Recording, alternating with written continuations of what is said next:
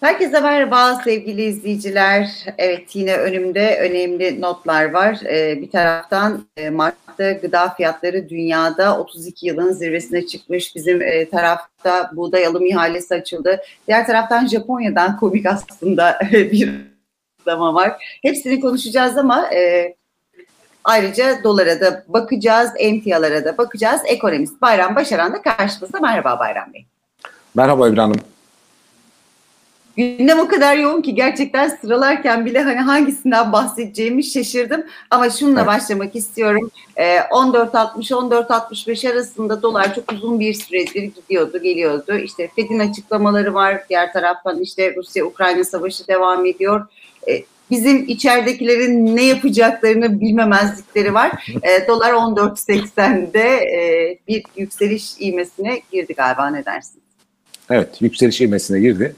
Şu an e, doların bir anda 20 kuruş birden artmasının sebebi e, bir içerideki döviz rezervinin giderek hızla azalıyor olması. Çok ciddi bir azalma var. E, ithalata para yetiştirmek çok zor. Çünkü her ay zaten dış açık veriyorsunuz. Borç, dış borç ödemeleriniz de var. Sürekli döviz yapıyorsunuz. Arka plandan, arka kapılardan sürekli döviz satıyorsunuz. E, yani günlük 300 ile 500 milyon dolar arasında. Sonuçta döviziniz bir süre sonra kalmamaya başlıyor. Şimdi bir dip göründü çünkü yeni kaynak bulacak, döviz gelecek bir yer bulamıyorlar. Yani yok. İnsanlar gidiyor dolarlarını şu an e, yüzde kırkını ihracatçılar gidiyor bozduruyor Merkez Bankası'na ama dönüyor ertesi gün o parayı da yüzde üç beş zarar ediyor ama gidiyor parayı da yine döviz çünkü ithalat yapmak zorunda da. Yapacak bir şey yok.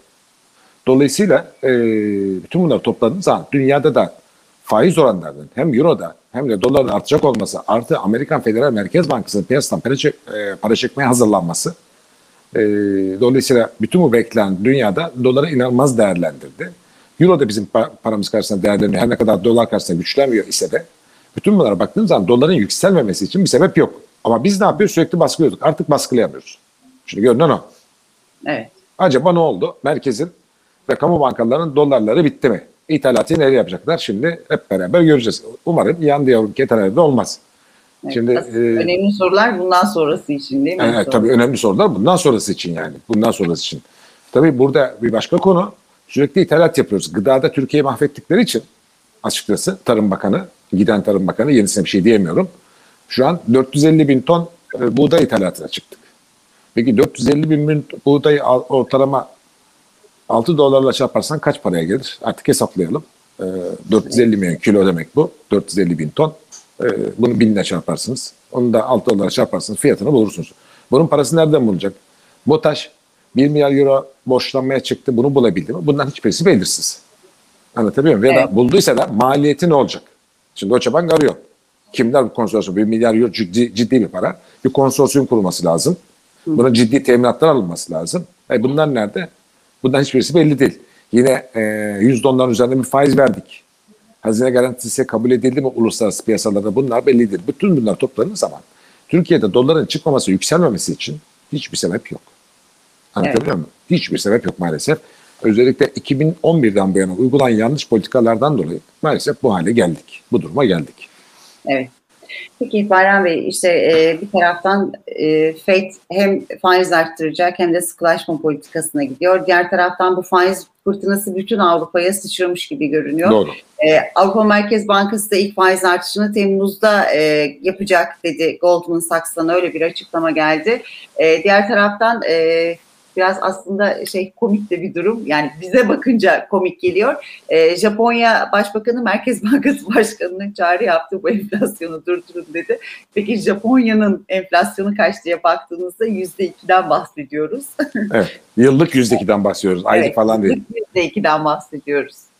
Şimdi buradaki e, Japonya e, sonuçta kredi verilen bir ülke, imparatorluk. Tamam Baktığınız zaman Japonya'da e, orada krallar bile ya da prensler bile ya da başbakan bile Merkez Bankası emir veremiyor. Rica ediyorum diyor. Ne olur diye enflasyonu durdurun. Bu ne demek biliyor musunuz? Faizleri birkaç tık yukarı çekin demek. Hı hı. Çünkü merkez bankalarının en önemli iki tane silah vardı. Bir, doğru iletişim kurmak. Doğruları anlatmak. İkincisi, e, politika faizdir. Zaman zaman dövize giriş çıkış yaparsınız ama onlar bizim gibi gelişmekte olan ülkeler olur. Japonya'nın döviz problemi yok. Ama enflasyon orada da çıkıyor. İşte dünyadaki çıkan enflasyon bakın dünyanın en gelişmiş ülkelerini dahi tehdit ediyor. Bir de Türkiye'yi düşünün. Ve Türkiye bu işte halen çıplak kalıyor. Halen bir önlem almıyor. Şimdi Japonya gibi bir ülke %2 enflasyon aslında çok ciddi bir enflasyon. Bakmayın biz bunlara alıştığımız için, Türkiye'de insanlar alıştığı için e, aylık %10'lara, 12, 13'lere, 15 Biz enflasyon. ifadeleri düşündüğümüz için yıllık yüzde iki komik geliyor gerçekten. Ve tabii komik geliyor ama oralarda öyle değil.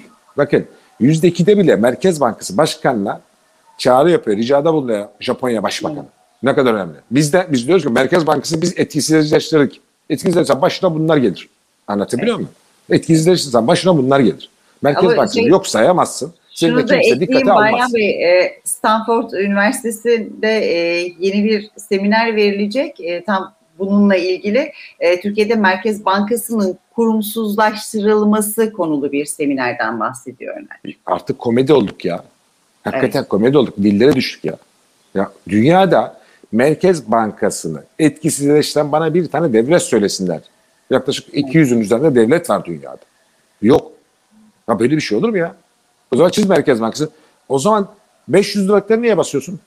Merkez Bankası bir matbaa değil. Niye bu basma talimatı veriyorsunuz?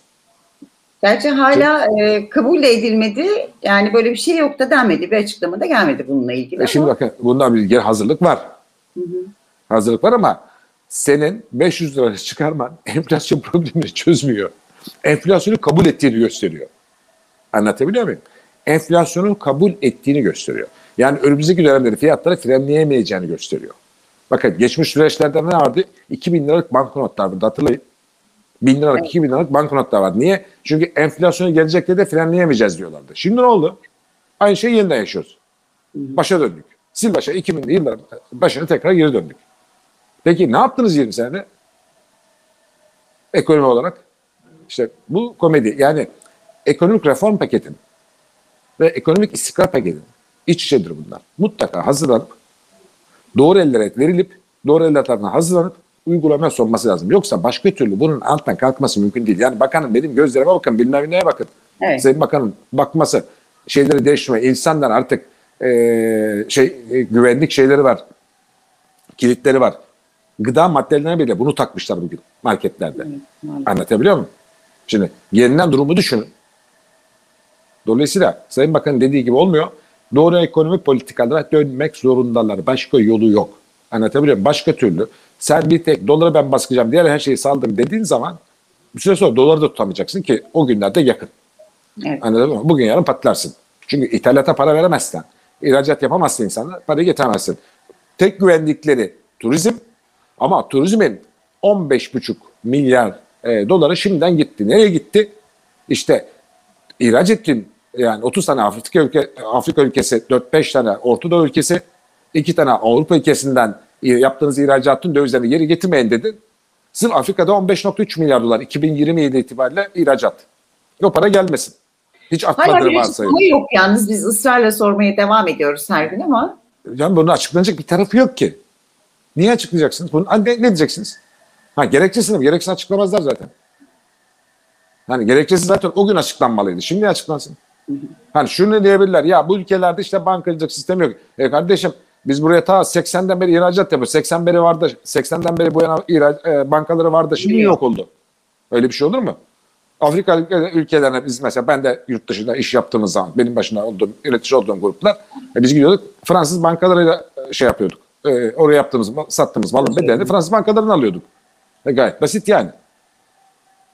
Hani oradaki bankacılık sisteminin olup olmaması değil. Parayı bana nerede ödeyeceksin? Önemli olan bu. Bunu kontratına yazarsın olur biter. E, bugüne kadar vardı şimdi mi yok oldu? evet, yap, ya da getirmeyenlere yasal kılıf hazırlandı. Bilmiyoruz. Hep beraber göreceğiz ön- önümüzdeki günlerde. Ama bu ne oldu? Turizm gelirlerinin 15-16 milyar dolar hatta 20 milyar dolara yakınını şu an sildi. Anlatabiliyor muyum? Dolayısıyla turizmden gelecek döviz de öyle dışa dokunur olmayacak. Çünkü yeri gitmiş o- bir kısmı gitmiş oldu. Anlatabiliyor muyum? bu sene gelmeyecek bu sene en büyük umut onlar. Dövizi baskılamaya yetmeyecek. Ee, Ruslar gelecek, gelirler ama harcamalarını rubler yapacaklar. Senin döviz pozisyonuna etkisi olmayacak. Bir de o var. Yani ruble yapacak onlar çünkü şu an dolar kullanmaları yasak. Yani kredi kartlarını da kullanamıyorlar. Anlatabiliyor muyum? Ruble kullanacaklar. Yani bu da çok ciddi sıkıntı. Şu an güzel bir şans var. Ee, Rusya günlük e, petrol üretimi 500 varil 500 bin varil azaldığı için Türkiye'nin önünde iyi bir şans var. Enerji fiyatlarını aşağı çekmek için spot piyasada Brent petrolün 20 ile 30 dolar hatta şu an satışları var. O satışlardan Türkiye çok rahatlıkla istediğini kabul e, alabilir. İki, Azerbaycan'dan gazını temin edebilir. İran'dan temin edebilir. Ama şu an ben kaya gazı alacağım dersen Türkiye'yi daha büyük batağa sürüklersin. Amerika'dan kara, kaya gazını niye alıyorsun? Peki boru hattan gelen bizim ülkemizde şu an boru hattan gelen gaz mı ucuz? Sıfır maliyetli şu an. Sıfır kira ödüyorsun. Gibi parası bilmem ne yok. Yoksa Amerika'dan 10 bin kilometre öteden ithal ettiğin gazın maliyeti mi? Hangisi daha pahalı? Hadi bakalım. Yani Evet. akla hayale gelir değil ya. Ya anlayamıyorum. Gerçekten anlaşılır gibi değil. Amerikan Evet. kaya gazı çok daha pahalı. Kesinlikle öyle. Neyse umarız ilk anlattığınız seçenek e, onların önüne daha mantıklı gelir. Onu e, uygularlar diyelim. Böyle de noktalayalım o zaman. Peki. Çok teşekkür ediyorum. Rica Hem size hem de izleyicilerimize yarın görüşmek üzere. Yarın görüşmek üzere. Hoşçakalın.